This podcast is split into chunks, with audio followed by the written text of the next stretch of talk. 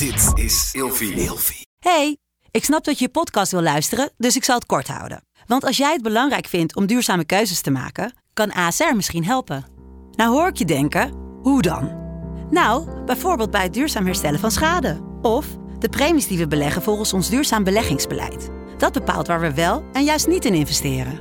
Wil je meer weten over welke duurzame keuzes ASR maakt? Ga dan naar asr.nl slash duurzame keuzes. ASR doet het. Zo, dan kan je nu lekker naar je podcast luisteren. Slapen jij en je partner al jaren in hetzelfde bed en wordt het tijd dat je de onderdelen van het bed moet vervangen? Dit is het perfecte moment om je gehele bed te vernieuwen. Je krijgt namelijk extra korting bovenop de lopende kortingen bij Emma Sleep met de code RELATIEVRAGEN in hoofdletters. Dus ga snel naar emmasleep.nl en bestel jouw bed. Want op een gegeven moment vroeg ik van ja, maar welk gaatje gebruiken jullie? Nou, en het bleek dus dat ze dus elke keer als ze dus uh, penetratieseks wilden hebben, uh, dat dat dus anaal ging. In Op zoek naar seksualiteit gaat Nienke Nijman dit seizoen samen met Marit Idema wekelijks op zoek naar seksualiteit in haar breedste zin. Overtuigingen worden kritisch besproken en ontkracht. Eigen ervaringen worden gedeeld. En de seksuele norm wordt verbreed. En dit alles om jou meer te laten ontdekken over jouw seksualiteit. Welkom allemaal en leuk dat jullie luisteren naar alweer de laatste aflevering van dit seizoen op zoek naar seksualiteit. Ik ben Marit en ik host deze aflevering en naast mij zit Nienke. En vandaag gaan we het hebben over een uh, ja, wat zwaarder onderwerp. Maar een wel heel belangrijk onderwerp, namelijk pijn tijdens het vrije. Af en toe pijn tijdens de gemeenschap is normaal, helaas. De meeste vrouwen hebben daar wel eens last van. Bijvoorbeeld door een infectie. Maar sommige vrouwen hebben altijd pijn tijdens het vrije. En in Nederland heeft ongeveer 1 op de 5 vrouwen regelmatig last uh, van pijn bij het vrije. En ik heb eventjes. Er zijn eigenlijk drie soorten. Die heb ik even op een rijtje gezet voor de mhm. volledigheid. Um, dus één is eigenlijk, uh, de meeste vrouwen voelen pijn bij de ingang van de vagina en omschrijven dit als een uh, schurende, brandende pijn. En dan heb je vrouwen die juist wat dieper in hun vagina die pijn voelen uh, tijdens het doorstoten van de penis in de vagina. En dan heb je nou eigenlijk de vrouw met het grootste probleem, dat is vaginisme. En daar spreken we van als het, ondanks dat dit gewenst is, onmogelijk is om iets in de vagina in te brengen. Dus moet je denken aan een penis lukt niet, vinger lukt niet, maar zelfs een tampon lukt niet. Ja, ja, ja. is pijn... moet, moet ik wat aanvullen? Nee, of, nee, nee. Ah. is pijn bij het vrije iets van alle leeftijden, Nieke? Uh, ja, uh, ja, maar er is een hele grote maar. Want in principe hoort seks pijnvrij te zijn. Ja. Als ik naar, me, naar mezelf kijk, um, ik heb nooit pijn. Nee? Bij de seks. Nooit. Um, natuurlijk kan je wel eens als je uh, in een bepaald standje dat er, dat er bijvoorbeeld te diep gestoten wordt en dat je dan bij je baarmoedermond dat je daar uh, wat pijn voelt, maar dat weet je als dat incidenteel is omdat je bijvoorbeeld niet genoeg opgewonden bent of omdat gewoon anatomisch gezien ja je vagina heeft maar een bepaalde diepte en op het moment dat daar dan een penis in komt die langer is dan dat, ja dan stoot hij tegen die achterwand aan en dat is onprettig, maar dat is niet zozeer een seksueel probleem. Zeker niet als dat incidenteel is. Dat daar kan je nee, natuurlijk heel goed makkelijk opgelost. Precies, daar kan je heel goed rekening mee houden. Als het natuurlijk altijd zo is, omdat jij misschien dus een wat klein, uh, minder diepe vagina hebt en jouw partner is gewoon groot geschapen, dan kan dat zeker wel een probleem vormen. Maar dat zien we niet dus als een standaard seksueel probleem.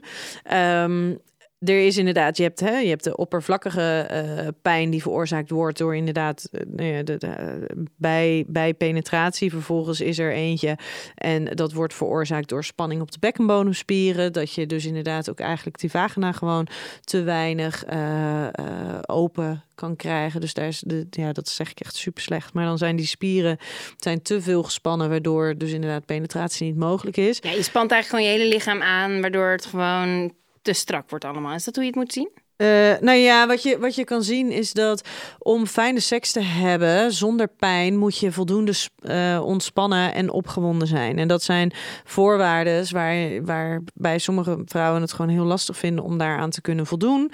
En als je dan het hebt over de bekkenbodemspieren, de bekkenbodemspieren is, is een cluster van spieren en die bevindt zich in de bekkenbodem. En als je de vagina ingaat, ongeveer op een centimeter uh, diepte, kom je de bekkenbodemspieren tegen. En als jij je voorstelt dat die dus helemaal fijn zijn geknepen, zijn, samen zijn gespannen, ja, dan vernauwt dat de doorgang van de vagina. Dus dan kan daar helemaal niks in. Ben je nou ontspannen, ja, dan wordt die vagina wordt veel makkelijker uh, toegankelijk, als het ware, om te penetreren. Maar er is er ook nog eentje, en is de laatste jaren is daar best wel wat uh, onderzoek naar gedaan. Want er waren ook een boel vrouwen en die hadden vervolgens pijnklachten, zonder dat daar uh, aan de oppervlakte iets te zien was wat die pijn kon nee, ja, verklaren. En eigenlijk inwendig ook helemaal niks aan de hand was. Maar dat heet vulvodonie. En dat is dus wel dat aanraking gewoon oprecht heel veel pijn met zich meebrengt. En dat als je kijkt naar MRI-scans, dat je dus ook ziet de hersengebieden die gaan over pijn, dat die daarin geactiveerd worden. Dus het is een oprecht ervaren pijn. Maar als je het dus gewoon ziet vanuit de buitenkant, is er dus niks wat die pijn zou kunnen verklaren. En dat komt dus ook niet door een te hoge bekkenbodenspanning. Het is puur echt die hele oppervlakkige pijn. Dus dat is een hele bijzondere. En is ook wel een beetje een lastig, want die wordt ook wel eens vaak wat later wordt het ontdekt dat dat het is. Um, en dan moet je dus, ja, moet je gewoon eigenlijk gaan desentiseren. Dus dan moet je dus uh, een beetje die, die, die pijn, dat pijngevoel moet je uh, gaan, gaan loslaten. Dus dat klinkt makkelijker dan dat het is. Ja. ja. En wat je zei inderdaad, dat vaginisme, daar is ook nog wel onderscheid in. Hè? Want je hebt primair uh, en, en algemeen vaginisme. Dus dat is dat je het altijd al hebt gehad en dat er helemaal in alle situaties zo is dat je, um, dat je niks kan inbrengen doordat die bekkenbodemspieren uh, samentrekken zonder dat je daar controle over hebt. Maar je hebt ook secundair um, vaginisme. En dan ontstaat het op een later moment. En je hebt ook nog situationeel. Dus dan is het dus niet altijd. Dus dan kan je bijvoorbeeld wel een vinger inbrengen of een tampon inbrengen. Maar kan je weer geen penis inbrengen. Dus er zijn wat variaties in, in wat voor vormen dat aanneemt. Ja, allemaal mooi kut. Ja, nee, ja, maar het is ook hartstikke shit. En ik denk dat het aller, aller, allerbelangrijkste is dat je ervan uitgaat dat seks pijnvrij mag zijn. En een eerste keer seks hebben, daar vinden heel veel mensen die vinden het normaal dat het dan pijn doet. Terwijl eigenlijk hoeft dat helemaal niet normaal zo te zijn. Uh, wat daar gebeurt is dat aan die twee belangrijkste voorwaarden, namelijk je moet opgewonden zijn en je moet ontspannen zijn, dat daar heel vaak niet aan voldaan wordt tijdens zo'n eerste keer seks. Want dat is super spannend. Je hebt geen idee wat je aan het doen bent. Je hebt geen idee hoe je opgewonden moet raken. Dus je bent niet vochtig. Er zit een hogere spierspanning in je hele lijf en dus ook in die bekkenbodemspieren. Ja. En dus ontstaat de wrijving. Ja, en wat jij nu zegt, dat is natuurlijk niet alleen maar in het begin. Ik bedoel, zelfs er zijn mensen die al jaren seks hebben waarbij het nog steeds misgaat. Ja, en dus dat, daar zit natuurlijk ook heel erg die angst voor die pijn. hè? Want als jij, als jij bang bent voor die, voor die pijn bij seks, wat gebeurt er dan? Dan krijg je dus. Precies, want dan ga je anticiperen op, op de pijn. Um, dan ga je dus die, die spanning, die wordt hoger, de spierspanning wordt hoger in je hele lijf, in je bekkenbodem. Waardoor uh, waar, en je wordt minder opgewonden, want de angst voor pijn, dat is helemaal niet opwindend. Dus je wordt minder vochtig. Nou, en dat tezamen zorgt er dus voor uh, dat het dus gewoon waarschijnlijk weer een, een pijnlijke ervaring wordt. Ja, dat is zo jammer. En komen er in jouw uh, kliniek, praktijk, zeggen, praktijk uh, vaak mensen met pijnklachten? Mm -hmm. Ja, er komen heel veel mensen met pijnklachten. Um, een van de eerste dingen die ik daarbij, nou ja, los van het stukje uh, vertellen hoe, hoe werkt seks en wat, wat is daar belangrijk voor, hoe werkt het met die, met die pijncirkel, uh, is het gebruik van glijmiddel. Je wil niet weten bij hoeveel vrouwen enkel en alleen het gebruik van glijmiddel een wereld van verschil maakt omdat ze dan vervolgens merken: oh hey, kennelijk kan ik ook aanraking daar verdragen die niet pijnlijk is, maar misschien zelfs wel prettig voelt met, met in combinatie met glijmiddel. hey, penetratie wordt ineens mogelijk met glijmiddel. En alleen al door die aanraking in combinatie met glijmiddel merken ze: ik raak zelfs een beetje opgewonden. Ik vind dit lekker, ik vind dit prettig. Nou, en dan heb je dus, voldoe je dus al veel meer weer aan die voorwaarden van opgewonden zijn en ontspannen zijn. En dat is een heel basis ding, maar er zijn een heleboel vrouwen met pijnklachten die daar dus al heel erg goed op reageren. Ja, het is zo lastig hè, met glijmiddel dat het bijna voelt als falen als je niet nat genoeg van jezelf wordt. Dus dat het in heel veel, ja, dan, als als je zo'n seksueel contact hebt, dat het zeker als het is met iemand die misschien nieuw is, dat, je, dat het toch wel lastig is om glijmiddel dan daarbij te gebruiken. Ja, terwijl als je kijkt naar hè, een stukje biologie, ehm, de kliertjes waar het vocht uitkomt, wat wordt aangemaakt als je, als je opgewonden bent als vrouw, dat gaat dus over druppeltjes. Hè? Het gaat niet over liters, het gaat over druppeltjes. Die worden aan de binnenkant van jouw vagina aangemaakt. Nou, wat ik net al zei, ongeveer als je van buiten naar binnen gaat op een centimeter, kom je die bekkenbodemspieren tegen. Dat betekent dus dat er is iets wat die vagina-ingang en dus ook uitgang vernauwt. Als jij dan wat druppeltjes vocht aanmaakt, maar er is ook maar een klein beetje spanning, nou, dan is het best wel kans dat die druppeltjes nou soms wat meer moeite hebben om daadwerkelijk richting die uitgang van die uh, vagina te gaan. Vervolgens, op het moment dat ze door die vagina heen gaan, komen ze bij de schaamlippen. Die zo lekker verfrommeld en opgerold op elkaar door elkaar die vagina-uitgang dicht houden eigenlijk. Dus jij verwacht dat druppeltjes minuscule druppeltjes vocht zomaar eventjes in, vanuit zichzelf volledig naar buiten komen. Ehm, en dat je dus van de buitenkant vochtig genoeg bent om seks te gaan hebben. Ja. Terwijl juist wat glijmiddel aan de buitenkant proberen, kan dus zorgen voor een lekkerder gevoel wanneer het wordt gestimuleerd, wanneer het wordt aangeraakt. Maar ook al de clitoris, hè? Want ja?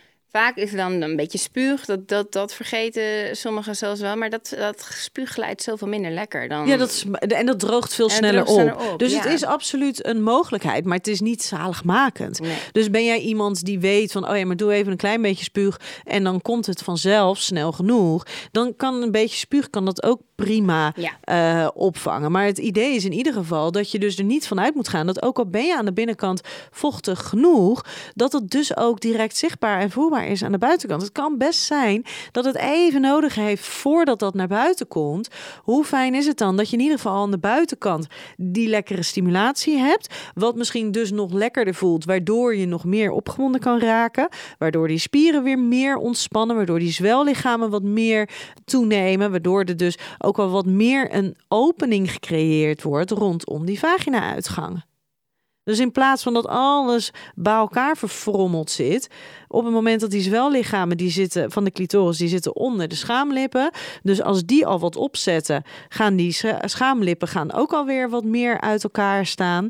Plus dan de ontspanning ook van die bekkenbodemspieren. En heb je ineens een, een veel vrijere toegang. Ik hoop dat dit ook voor de luisteraars een soort van duidelijk klinkt, in mijn hoofd wel. Ik vind het wel duidelijk klinken. Eh, maar in ieder geval, moraal van het verhaal schaam je niet voor glijmiddel. Want nee, uiteindelijk, niet. Maar ik denk dat dat ook misschien weer zo'n invloed van porno is. Dat we het idee hebben dat vrouwen nou eenmaal um, dat vrouwen liters vocht aanmaken en dat dat allemaal maar op die manier gewoon vanzelf moet gaan. Ja.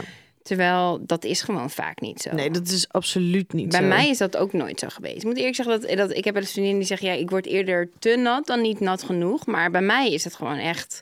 Ja, ik moest altijd... Ik ben nooit heel nat geworden. Nee.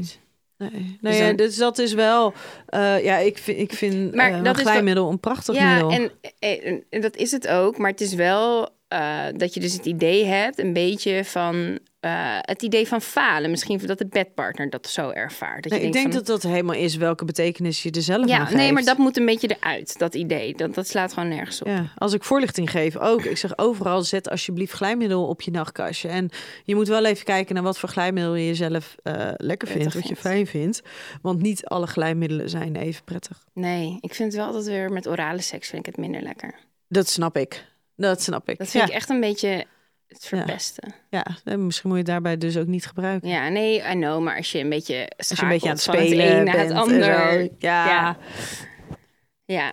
Ligt de focus te veel op penetratie? Is dat waarom zoveel vrouwen pijn hebben tijdens het vrijen? Um, nou ja, noem het de focus ligt te veel op penetratie dan wel. Er is onvoldoende aandacht voor dat hele opwindingsproces van vrouwen. En dat is zowel voor, nou ja, voor in dat geval dan de vrouw als wel voor de partner. Ik denk dat het een gedeelde verantwoordelijkheid is. Hè? Ja, Want sowieso. voor de vrouw, ja, de vrouw gaat het inderdaad van, hé, maar waar raak je nou opgewonden van? Kan je inderdaad je er even helemaal toe aanzetten? En nou ja, geef je er zelf echt aan, aan over, als het ware.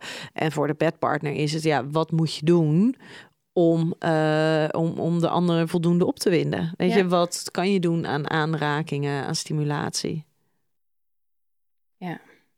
Ja, dat is wel gewoon belangrijk. Dat, dat, dat, dat, dat, maar sowieso denk ik wel dat als je tijdens pijn tijdens de seks hebt, als je het daarover hebt, dat het wel gaat over penetratie bijna altijd, toch? Er zijn weinig vrouwen die al last hebben bij, bij vingeren en bij andere dingen, of niet? Ja, ligt er heel erg aan hoor. Want ehm, ik, ik kom telkens meer, kom ik wel met ook wat nou ja, complexere problematiek daarin. Want we hebben bijvoorbeeld ook heel veel vrouwen die hebben nou ja, heel veel. Dat zijn er in mijn beleving toch best veel die bijvoorbeeld liggend sclerose hebben.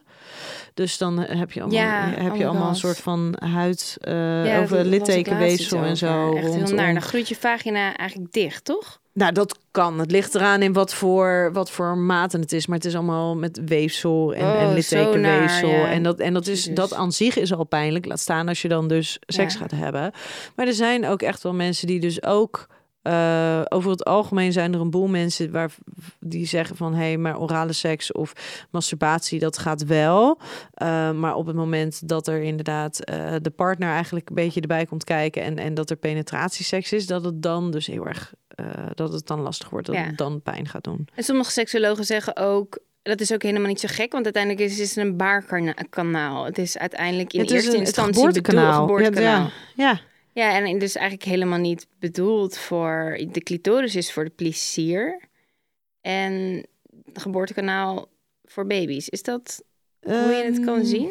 Is dat, zou dat verklaren hoe... eh, Nou ja, dus dat is natuurlijk wel als je het hebt over inderdaad het, het, het stukje penetreren in de vagina. Dat dient natuurlijk een heel, eh, nou ja, dat is heel functioneel. Dat is natuurlijk gericht op de voortplanting. En we zijn zelf zoveel betekenis gaan geven aan seksualiteit. Aan dat het niet enkel en alleen maar functioneel moet zijn, maar dat het ook moet gaan om genot en opwinding. Dat eh, dat dat heel erg belangrijk is geworden. Maar als je dan kijkt inderdaad hoe hoe het vrouwelijk lichaam gebouwd is, hoe, hoe de geslachtsorganen gebouwd zijn. Ja, het lijkt erop alsof de clitoris inderdaad enkel en alleen als eh, genotsorgaan dient. Voor de rest heeft het namelijk niet heel erg veel functie.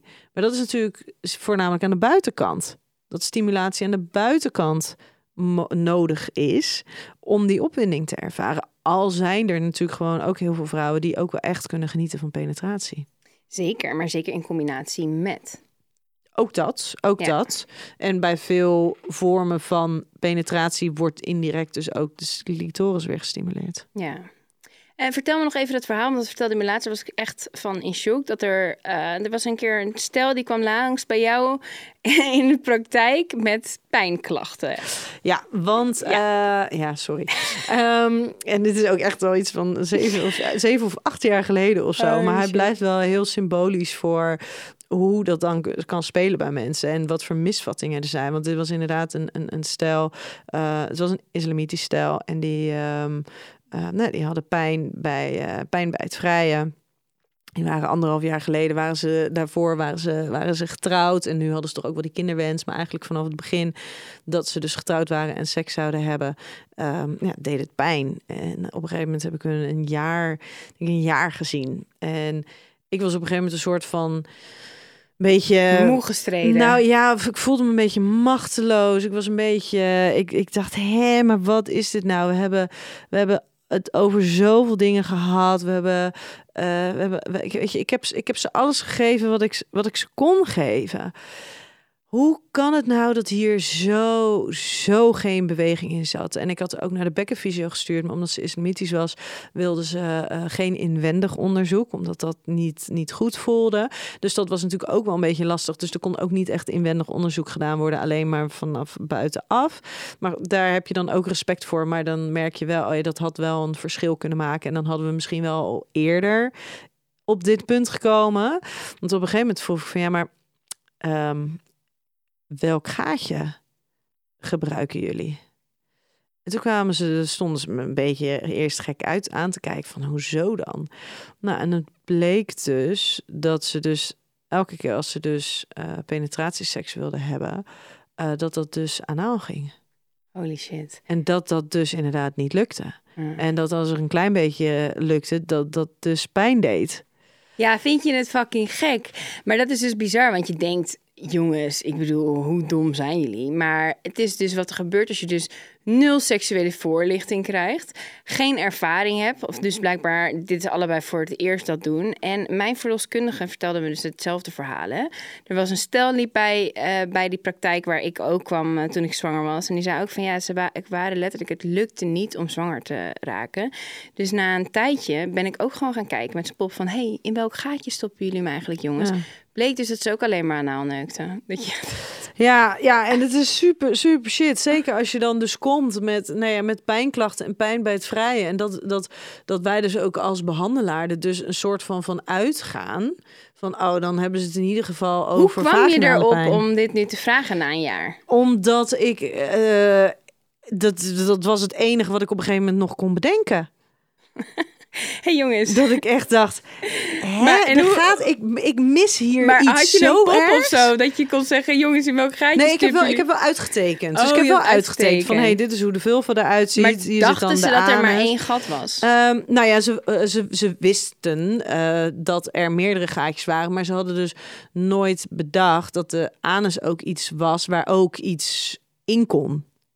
Die dachten, daar zit natuurlijk wel een gaatje, maar daar komt alleen maar wat uit. Dus ze hebben nooit bedacht dat eh, ze, ze hadden sowieso niet zo goed zicht op hoe dicht het bij elkaar zat. Maar vervolgens dus ook nooit bedacht van, oh ja, maar daar kan ook wat in. Ja, überhaupt, weet je, als je, je moet er veel moeite doen om een piemel in een anus te stoppen, dan vloept hij al eerder in de vagina, zou je denken dan, hè? Eh, ja, ligt er dus aan wat voor standjes. En ja, Ja. Bijzonder. Ja, bijzonder. En ook wel, nou ja, ook wel heel verdrietig dat het dan zo werkt. Want zij heeft dus wel al die tijd oprecht pijn gehad. Nou, wel fijn dat die man er in ieder geval voor open stond om samen op zoek te gaan naar hulp. Niet dat ze de rest van hun leven aan Die is echt niet grappig. Nou, zeg nee, maar het is wel, ja, nee, het is hartstikke verdrietig dat dat Nee, zo, is heel zo verdrietig. moet. En maar ik ben wel blij dat ze wel- nu geholpen zijn. Ik Ja. ben wel benieuwd. Eigenlijk zou ik wel even met ze willen praten van... hé, hey, hoe vinden jullie het nu? Ja, Misschien nou, vinden ze het wel helemaal fantastisch. Het was wel heel mooi, want ik werd dus eh, anderhalf jaar later werd Ja. ik dus door ehm, de bekkenfysio werd ik gebeld van hey, weet je nog dat Ja, die stel- vergeet ik nooit meer. Ja, dat vergeten we inderdaad niet meer zo snel. En dat ze dus ook aangaf van, nou, ik heb er toevallig eh, net gezien. En dat was dan na drie kwart jaar of zo. En eh, nou, ze hebben het wiel uitgevonden hoor. Of het ei eh, uitgevonden. Hoe noem je dat? Wiel? Ei? Echt, Wiel. ik ben supergoed in mijn uitspraken, jongens. Geweldig. Maar die, dat, dat, en dat het dus allemaal nu goed ging. Nou, wat leuk. Ja, en dat er geen pijn was. En dat, dat, dat, dat ze daar ontzettend van konden genieten. Ja. De luisteraarsvraag. Man 56. Sinds mijn vrouw in de overgang is, wil ze geen seks meer. Ze vindt het ontzettend pijn doen. Ik moet eerlijk zeggen, ook de jaren voor de overgang was ze niet meer heel enthousiast. En soms heb ik het gevoel dat ze het op de pijn gooit om van mijn gezeur af te zijn. Al zou ik dat natuurlijk nooit tegen haar zeggen. Ik ben een goede minnaar, al zeg ik het zelf.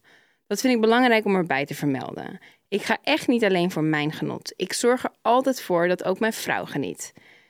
Komt erop neer, ik heb huidhonger, ik snak naar intimiteit. Het hoeft niet eens penetratie te zijn, te zijn, maar steeds als ik initiatief neem, begint mijn vrouw meteen over hoeveel pijn seks doet. En tja, wat kan ik dan zeggen? Natuurlijk wil ik niet dat ze pijn heeft.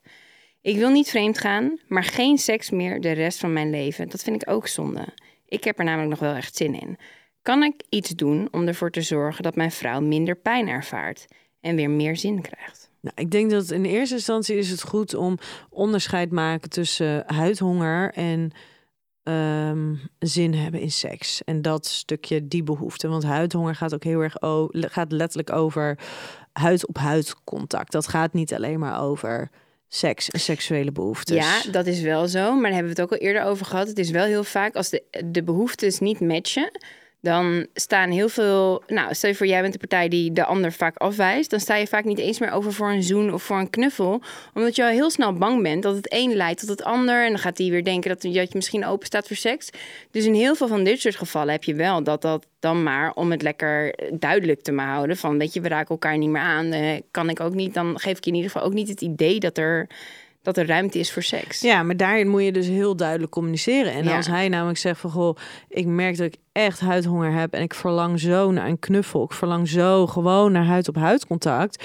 Eh, of zijn vrouw nou pijn heeft of niet, ja, weet je, dat zou, dat zou in principe moeten kunnen. En misschien heeft ze daar ook wel heel erg sterk verlangen naar. Maar is het de angst dat er meer wordt verwacht, de angst dat er seks moet komen, wat haar hierin remt? Ja. Dus als je daarin in ieder geval al kan beginnen met het begrenzen van ehm, wat een bepaald contact namelijk inhoudt. Namelijk, ik heb onwijs veel behoefte om jou nu even goed vast te pakken en even te knuffelen.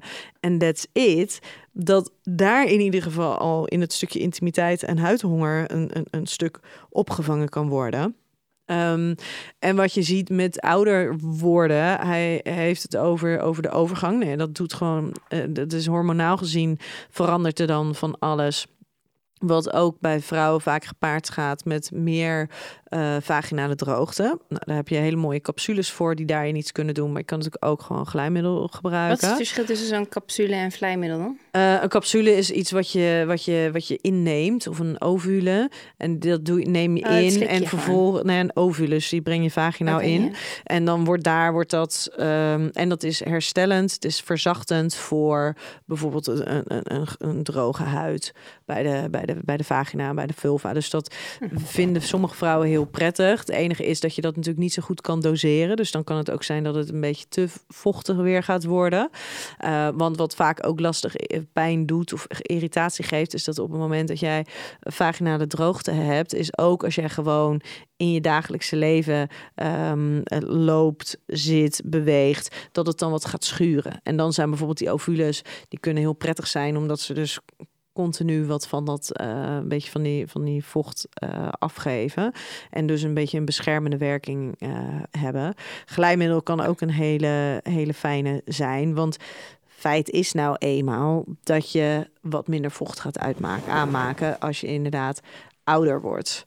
Nou, Ja, maar dit klinkt wel, tenminste hoe hij dit nu brengt, een beetje alsof ehm, al die dingen die jij nu noemt, dan moet je wel de juiste intentie hebben ook. Of tenminste, moet je wel bereid zijn om, om nog er wat van te willen maken. Nou ja, en wat heel, heel lastig is, is dat er zijn natuurlijk heel veel mensen die denken: eh, ouder word, ik word ouder en, en dus hoef ik niet meer zo nodig seks.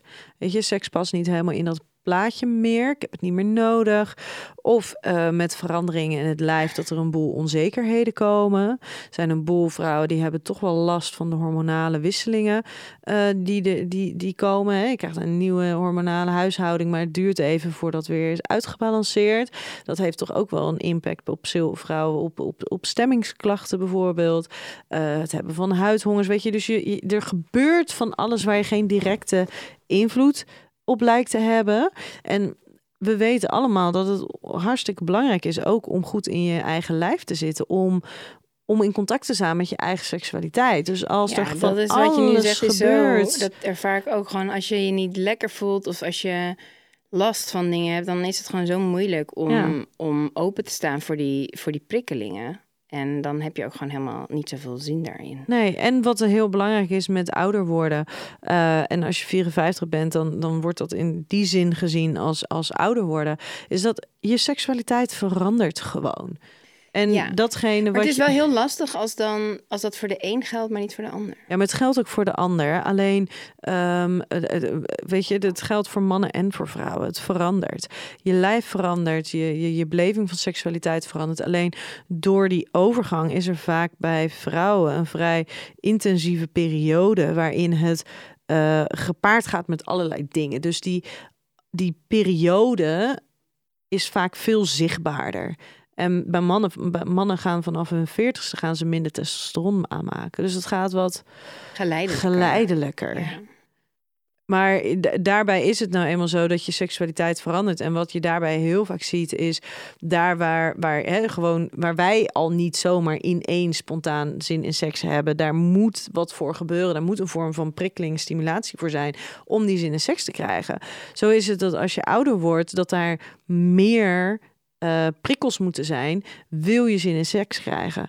En daar waar, waar wij er misschien soms nog mee wegkomen om gewoon te denken aan een erotische gedachte, aan een fantasie, aan een, aan een, een, een, een opwindend moment. En dat dat al van alles doet qua opwinding in je lijf vervolgens als je dus ouder wordt, is, is alleen die gedachte of die fantasie is niet meer voldoende. Er, moeten, er moet meer bij komen. Er moeten meer prikkels zijn. Er moet meer stimulatie zijn. Dus nog beter plannen, misschien nog betere voorbereiding? Nou, nog meer plannen, nog meer aandacht voor hebben, nog meer de tijd voor nemen. Want je kan wel diezelfde mate van opwinding ervaren, maar je moet er wat meer in investeren. Ja, maar als je kijkt naar, als je dus, nou ja, pijn krijgt met eh, ja, tijdens het vrije na de overgang, dan heeft dat bijna zeker wel te maken met dat je vagina droger is, toch? Ja, heel vaak wel. Dus dan is dat wel vrij makkelijk op te lossen van... hey, probeer het eens met, met een uh, heleboel glijmiddel of die capsules. Waar ja, en, en vervolgens dus aandacht hebben voor een veranderende seksualiteitsbeleving. Ja, ja. dat je gewoon denkt van wat is, wat is er nu nog wel lekker en wat is er nu nog wel mogelijk. Ik denk mhm. dat het voor elke fase, in je levensfase, anders is. Ja. Ja, nog even een persoonlijke vraag. Veel vrouwen zijn geneigd om door te gaan met penetratie, ook al doet het pijn. Um, ze zijn bang om tekort te schieten als partner. Heb jij, je zei net al, ik heb nooit pijn met vrij, maar heb jij dat nog nooit gedaan? Um, nee, ik denk het, denk het niet. Nee. Um, en wat mij, weet je, en die, die mazzel heb ik in deze gehad, hè. Ik ben de dochter van een bekkenfysiotherapeut. Dus ik weet hoe, hoe belangrijk die bekkenbodemspieren zijn, waar ze zitten, hoe je, weet je, ik was, ik, ik zie nog zo voor me dat mijn moeder op tv bij Catharine Kel zat. En dat ze iedereen die bekkenbodem, iedereen op de handen liet zitten en die bekkenbodemspieren liet ontspannen. En ik denk, ik, ik weet niet hoe oud ik was. Ik denk dat ik een jaar of negen was of zo, of tien.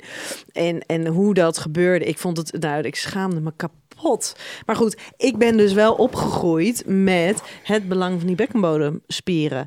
En vervolgens toen ik ik was al heel jong toen ik me in die seksologie ging interesseren. En hoe belangrijk daarin dus die opwinding is en die ontspanning is. En nou ja, dat soort factoren die dus gewoon wel enorm belangrijk zijn om te voorkomen dat je pijn krijgt. Ja. Maar herken je het wel wat ik nu net zeg? Want dat oh, is wel... absoluut.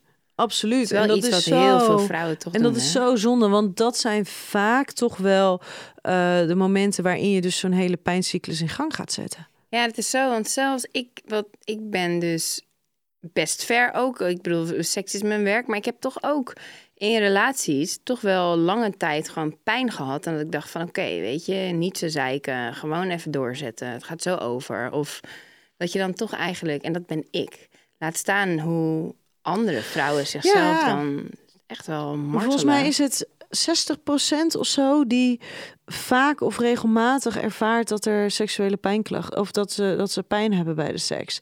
En bijvoorbeeld zeker in um, religieuze gemeenschappen um, heb, is de norm: seks doet pijn. Ja, je had vroeger toch ook, dan zeiden ze altijd in Engeland van uh, close your eyes and think of England. Dat was altijd zo'n ding wat ze zeiden volgens mij wel. Ja, dat, tenminste, dat hoor je wel eens in die series. Ja, dat geeft wel aan van oké, weet je, seks sowieso vroeger was het natuurlijk, het moest pijn doen. Voor een vrouw deed het gewoon pijn. Ja, omdat er dus geen aandacht is voor nee, die opwinding en voor die ontspanning. Ja. ja. Ja, lastig is dat, hè? Waar of niet waar? Mannen hebben ook geregeld pijn tijdens het vrije. Zo'n 15% heeft hier last van. Ja. Denk het wel waar. Ja, mannen hebben ook wel eens pijn tijdens penetratie, maar lang niet zo vaak als vrouwen. Zo'n 3% van de mannen ervaart wel eens pijn tijdens het vrije. En genitale pijnklachten bij mannen hebben vaak een lichamelijke oorzaak. Zo kan de voorhuid van de penis te nauw zijn bij een erectie of is het toompje te kort. Maar ook een ontsteking of SOA kan de oorzaak van de pijn zijn. Ja, en bekkenbodemklachten? ja, wel ook. Zeker. Hoe dan? Kan ook pijnklachten in het perineum geven. Er zijn oh. heel veel mannen met, uh, die gebaat zijn bij een bezoekje aan de bekkenfysio. Oké, okay, omdat ze dus de neukbeweging maken dan? Nee, ja, überhaupt of het krijgen van een erectie. Oh, oké, ja. Ehm, eh, dat, of, of, of pijnklachten echt, ja. Hmm. Is het makkelijker op te lossen bij mannen? Die pijnklachten? Nee, want je kan niet zo goed inwendig behandelen. En inwendig behandelen gaat vaak ook gepaard met rectaal behandelen. Mm, nou. Ja. Leuk. dus. Hmm.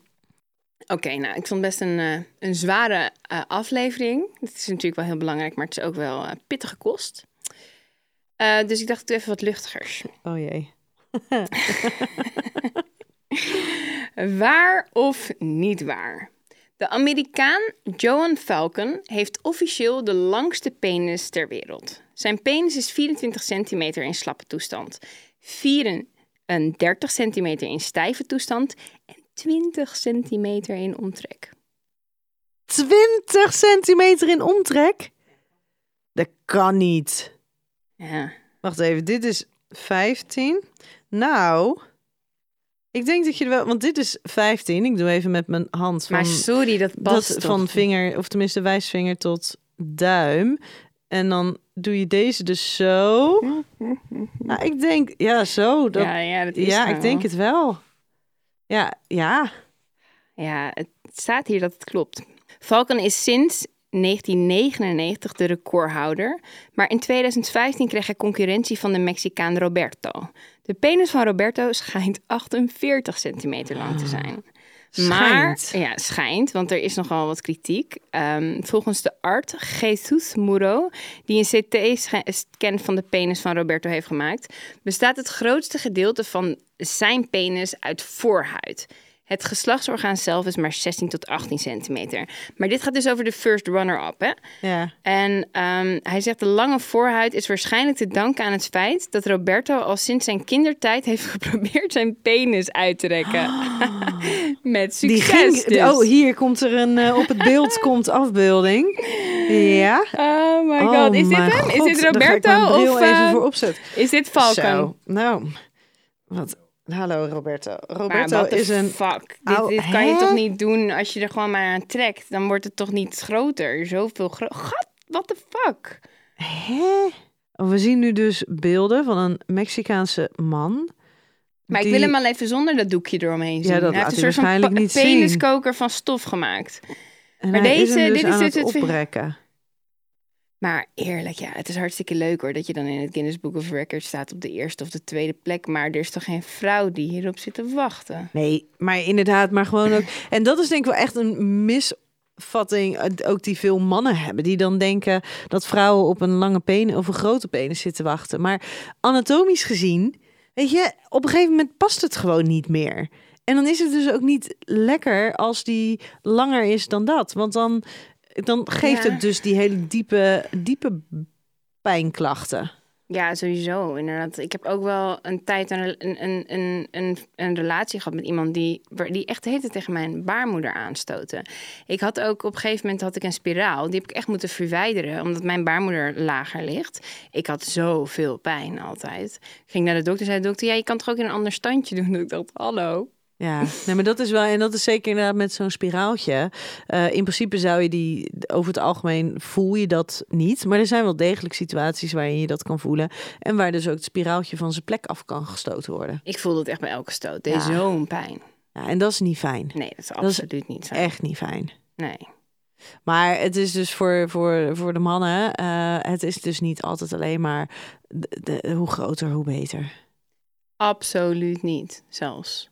Ik denk, kijk, het is natuurlijk hartstikke... Het ziet er... Een, een, een, ja, een groot penis kan er mooi uitzien. Maar ik denk zeker voor penetratie dat het, dat het niet per se wenselijk is. Nee, er was op een gegeven moment was er, eh, oh, in het boek van eh Goede Liekens, het penisboek, daar zat een soort van meetlatje bij. En daar stond ook bij eh, van, nou, als het dan onder dat is, is het micropenis. Als het dat is, dan is dat. En vervolgens stond er bij de, alles boven de 20 is overbodig. Ja, nou ja, dan, dat klopt denk ik wel. Het is grappig hè, dat Anouk toch een tijdje geleden zoveel... Een hele land viel over de heen. Maar ja, ze heeft wel echt ballen dat ze dat gewoon bij de Wereld Door destijds zei. Die zei gewoon van ja, sorry, maar voor minder dan 22 centimeter hoef je bij mij niet meer aan te komen. maar ik geloof het ook bij haar. Maar dan denk ik, hè, maar dat is toch niet chill? Kijk, als je een Ja, keer een one-night stand ja. hebt. Allah, dan snap ik dat het wel leuk is. Maar om een relatie mee te hebben, gewoon op zondagochtend, oh, dat is toch Ja, maar wel... misschien heeft zij wel, heeft- is haar vagina wel heel, eh, zeg maar, de, de, de, naar de diepte toe. Misschien is die wel heel diep. Ja, maar het gaat niet alleen om diep, hè. Bij mij gaat het zeg maar ook vooral om, Om de breedte. Zo'n hele, ja, het ik bedoel, het, nogmaals, voor orale seks, top. Maar voor de hele, ja, dat is toch, dat, dat, dat, dat gaat nou echt schuren. Ja, maar dat is dus weer eh, afhankelijk van hoe opgewonden je bent. Want als je echt heel erg opgewonden kan zijn, heel erg vochtig kan zijn, en dan kan het echt wel zomaar zijn dat jij ook gewoon eh, dus een penis met, nou ja, met 15 centimeter, 15 tot 20 centimeter omvang gewoon goed kan hebben. Maar als dat dus Tuurlijk. niet zo is, Is ook zo. Kijk, dan gaat het inderdaad het en pijn doen. Maar ik denk dus wel dat als je een relatie hebt met zo- zo'n met zo'n piemel. met zo'n piemel op pootjes. Ja, dan is het wel. Dan moet je wel altijd gewoon echt vol opgewonden zijn. Want dat is niet van oké, nu is het een beetje. Doe nu maar kunnen even. we wel even. Nee, even- ja, nee, dat is waarschijnlijk dan de consequentie Ja, ervan. ja, Ja. ja, En er zijn ook wel eh, in dat opzicht ook wel vrouwen die, die een klein beetje pijn wel lekker vinden. Want daar kom je weer het stukje dat in de hersenen het, het, het genotsgebied en het pijngebied naast elkaar liggen. En dat ze dan, als het een gekozen pijn is, dus als ze zeggen, hé, hey, maar ik weet dat dit nu gaat komen en ik kies hiervoor, want ik vind het, ik vind het ook wel lekker, een beetje rauw of zo, dat het dan dus ook weer voor een stukje opwinding kan zorgen. Ja, ik kan me ook voorstellen dat als je misschien. eh, als je het gevoel hebt dat het net elke keer dat je elke keer meer wil. Of dat je misschien. Dat je dan een keertje dat, dat helemaal. Ja, de vriendin van zei ook laatst. Ik had weer eindelijk had ik weer echt een beetje zo'n gevoel alsof ik echt gewoon hele, tenminste dat had ze ook, had hele wilde seks gehad, waardoor de dag daarna ze echt een beetje pijn aan haar vagina had. En dan zei ze, ja, dat was echt gewoon een lekker gevoel dat ik weet dat ik weer gewoon even vol eh, ervoor ben gegaan. Maar ik denk wel dat als je dat altijd hebt, dat dat minder leuk is. De stellingen. Na een zwangerschap kan de boel flink beschadigd zijn, down under. Maar daar is veel te weinig aandacht voor. En vrouwen durven vaak niet aan de bel te trekken. Absoluut. Absoluut. Als je kijkt bijvoorbeeld naar Frankrijk, dan krijgen standaard vrouwen die eh, bevallen zijn, krijgen in hun nazorgstraject bekkenfysio aangeboden. Dus je moet gewoon echt naar de bekkenfysiotherapeut toe. En dat gebeurt hier gewoon echt niet. We gaan hier gaan we pas hulp zoeken op het moment dat er klachten zijn. In plaats van standaard eh, een stukje begeleiding krijgen, zodat gewoon het herstel beter wordt. Ja, en sowieso worden we ook wel... Ik bedoel, er is weinig aandacht ook voor die klachten. Ehm, ik las laatst een stuk van een vrouw in de Linda... die echt al jaren het idee had dat ze, dat ze niet goed was gehecht. En daar heel veel last van had. En dat ze dat ook wel zei tegen de huisarts. En de huisarts zei van, ja, het is wat het is.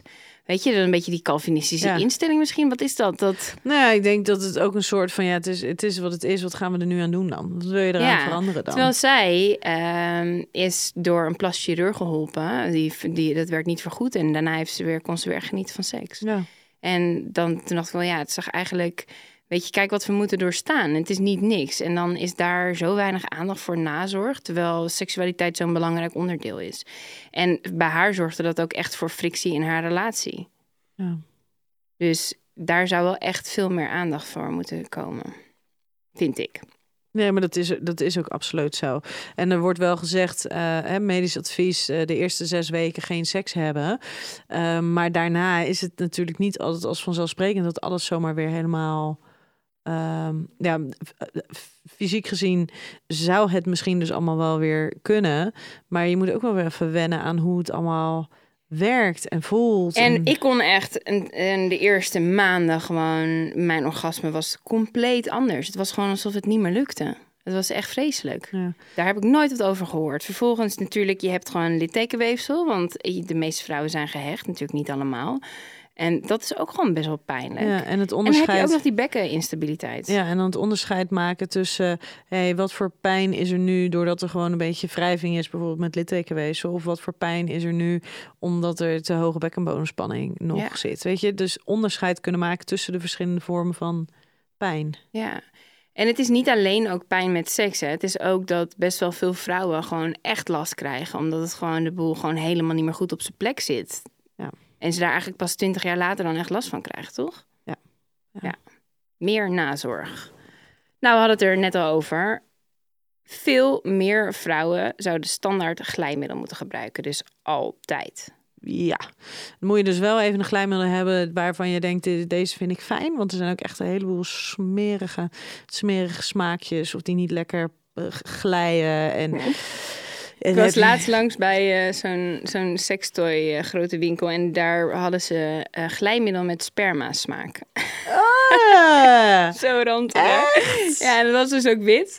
Met van die hele kleine zwarte stipjes erin. Dat je echt denkt, oh, ook met korreltjes erin. Ja. Oh, wauw, dat wil je toch niet? nee, dat wil je echt niet. Nee, maar dat zou wel, weet je, en als je dat gewoon op je nachtkastje hebt staan en je doet gewoon een, een druppeltje erop, weet je, dat is zo. En als je het nou ongemakkelijk vindt om, eh, om te pakken tijdens de seks en je ligt op bed en je weet dat je partner er zo aankomt, desnoods doe je dan alvast even een druppeltje erop. Dan heb je niet het hele, oh, nu wordt het, moet ik heel opzichtig iets gaan pakken. Ja, precies. Je kan het ook gewoon op de wc al erin doen. Ja, ja. Ja. Ja. Vrouwen moeten eerder aan de bel trekken bij pijnklachten, want veel valt op te lossen. Ja, en zeker in zo'n beginstadia. Weet je, als jij één, eh, minste, ja, als jij, als jij eh, twee, drie keer nu pijn hebt gehad, dan is het hele, kan het helemaal geen kwaad om dan alvast eventjes, eh, nou ja, dan wel op te zoeken, dan wel hulp te vragen van, hé, hey, wat is hier aan de gang? Want als jij vervolgens tien jaar later verder bent en je komt dan pas om hulp vragen, ja, dan heb je al tien jaar aan pijnervaringen. Ja, en dan, en daar hadden we het net ook al even over. Dan kom je dus ook, eh, als je als vrouw eh, een paar keer pijn hebt gehad tijdens het vrij, kom je makkelijk in die zogenaamde pijnspiraal terecht. De kans dat je dan de volgende keer weer gespannen bent en dat je nog meer pijn Ja, die is ervaart, die is gigantisch natuurlijk. Ja. Dus je moet echt die pijnspiraal, die moet je echt zien te voorkomen. En op een gegeven moment is ook die associatie met seks is, wordt gewoon een stuk negatiever. Ja. Seksscènes in films dragen bij bij pijn ja, tijdens het vrije. Want het is vaak, nou, broek uit, ja, even tegen het aanrecht, hoppa, Ja. leuke. Ja, en daar zit dus het hele stukje aan het, het, het, het aandacht hebben voor überhaupt opgewonden genoeg zijn. Maar wat is dat toch met series en films? Laatst weer, dan ben ik, dan, dan, dan kijk ik naar, dat was volgens mij House of the Dragons, eh, House of Dragons, en dan kijk ik een, een scène die eh, in heel veel opzichten klopt, maar dan altijd is het patsboom en meteen neuken. Er wordt letterlijk nooit aandacht aan de. Gek, hè? Heb Ja. je wel eens glijmiddel in een film gezien? Nee, dat, maar goed, dat hadden ze in, eh, in die tijd. Hadden ze daar ook niet. Beetje olie. Beetje schapenvet. Ja, Nee. nou ja, en, dan, en het gek is, als je het hebt over dat het dus in die tijd, daar kan ik me dan nog ergens in voorstellen. Want in die tijd was daar helemaal geen aandacht voor. Nee, maar als je het hebt inderdaad over een serie of een film in het hier en nu, nou, dan zou ik het wel echt wel heel mooi vinden als daar, als maar daar het eens een gebeurt keer. toch nooit? Nee, het- nou ik ja, bedoel, ik kan me niet heugen. Nee, maar- dat je me nu zegt. En er gebeurt echt wel wat op, op dit gebied. Ik bedoel, er is wel veel, aandacht, veel meer aandacht voor het, het vrouwengenot. Maar in dat opzicht nog steeds. Het lijkt wel alsof die seksscènes alleen maar door mannen worden geschreven. Dan denk ik, wat? Ja, nou, ik, ik denk, er zijn wel scènes en daar ga ik dus ook wel goed op. Daar, daar, dat, ik denk dat ik merk dat een scène in een film of een serie soort van klopt. Als je zelf ook merkt, hé, hey, dit doet wat met me. Dus als je dus ergens naar aan het kijken bent en dat je ziet dat er, dat er dus dat, dat er een proces gaande is, dat ze elkaar zien, dat, ze, dat die aantrekkingskracht er is, dat ze elkaar aanraken, dat, ze, dat dat dus inderdaad wel wordt Ja, opgebouwd, maar dat er dus een mogelijkheid is voor die opwinding Ja, om inderdaad. te ontstaan. Maar zelfs dan, zelfs als je inderdaad helemaal voelt van oké, ze kunnen elkaar niet krijgen en ze krijgen elkaar eindelijk, dat je dan zelfs helemaal voelt van oh, dit is echt wel heel spannend. En zelfs dan is het wel, als het erop aankomt, is het vaak meteen van we bespringen elkaar, scheuren kleding van het lijf en beginnen meteen te neuken als dieren en dan komen we allebei heel wat voor heftig films klaar. jij kijkt. Nou, de, gewoon als op Netflix. nee, maar eerlijk, er is nooit aandacht voor van... hé, hey, weet je, misschien moeten we eventjes aan een beetje aan opwarming doen. Dus ik denk wel dat dit... eh, dit helpt in ieder geval niet mee. Nee, maar ik ga, ik ga dus even Let er maar eens op. ja, vaker in de gaten houden. Ja. Pijn tijdens het vrije heeft nooit te maken met de grootte van de penis... maar altijd met gebrek aan opwinding. Nee, Winding. zeker niet. Kan ook de grootte van de penis ehm, zijn. En dat kan ook weer samenhangen met mate van opwinding. En dat als je dus heel erg opgewonden bent, als je heel erg aan die op voorwaarden voldoet, dat ehm, dat het dan wel lukt. Maar op het moment dat je dan wat minder opgewonden bent, wat minder vochtig bent, wat minder ontspannen bent, nou, dat het dan ineens wel wat, wat, wat frictie geeft, wat wrijving geeft en wat pijn geeft. Ja, het maakt het in ieder geval niet makkelijker, een hele grote penis. Nee, nee, dat maakt het zeker niet, niet makkelijker. Maar er zijn ook heel veel uh, mensen die daar dan dus geen last van hebben. Want dus nee, het is- uiteindelijk, ik bedoel, uiteindelijk kan er ook een baby doorheen. Dus eh, Daarom. ja. nou jongens, Ehm, dat is een mooi om ermee af te sluiten. Hebben we nog iets... eh, Uiteindelijk kan er ook een baby doorheen. Nou, top. Ehm, wil je nog eventjes iets eh, extra ja, benoemen? dat eh, seks absoluut pijnvrij kan zijn. En in principe vrijwel iedereen is in staat om gewoon seks te hebben zonder daarbij pijn te hebben. En natuurlijk kan er wel zo'n moment zijn dat je denkt, oeh, dit, dit, dit geeft wat wrijving. Ja, Ehm, en doe het dan ook niet, hè? Als je dan, want ik, ja, ik, heb, ik heb het zelf ook gedaan. Dat het is hartstikke leuk als je af en toe in je normale leven even denkt van, ik bikkel hier even doorheen en ik bijt even op mijn tanden, maar niet tijdens de seks. Nee. Want uiteindelijk kom je dus in die pijnspiraal terecht en dat is gewoon super zonde, want Ja. de volgende keer heb je nog minder zin. En het is hartstikke lief dat je dat voor iemand anders wilt doen, maar uiteindelijk heb je jezelf ermee en dus ook indirect je sekspartner, want je hebt minder zin in seks en ja, dat is gewoon hartstikke jammer. dus Dus geen pijn, geen pijn. Dan is fijn. gekozen pijn. Dan eh, Gekozen mag het wel. alleen Maar eh, en zeker eh. geen, geen niet gekozen pijn tijdens de seks. En dus denk aan die glijmiddel en zorg gewoon vo- voor voldoende opwinding en ontspanning. En soms kan alleen al, ehm, weet je, gewoon...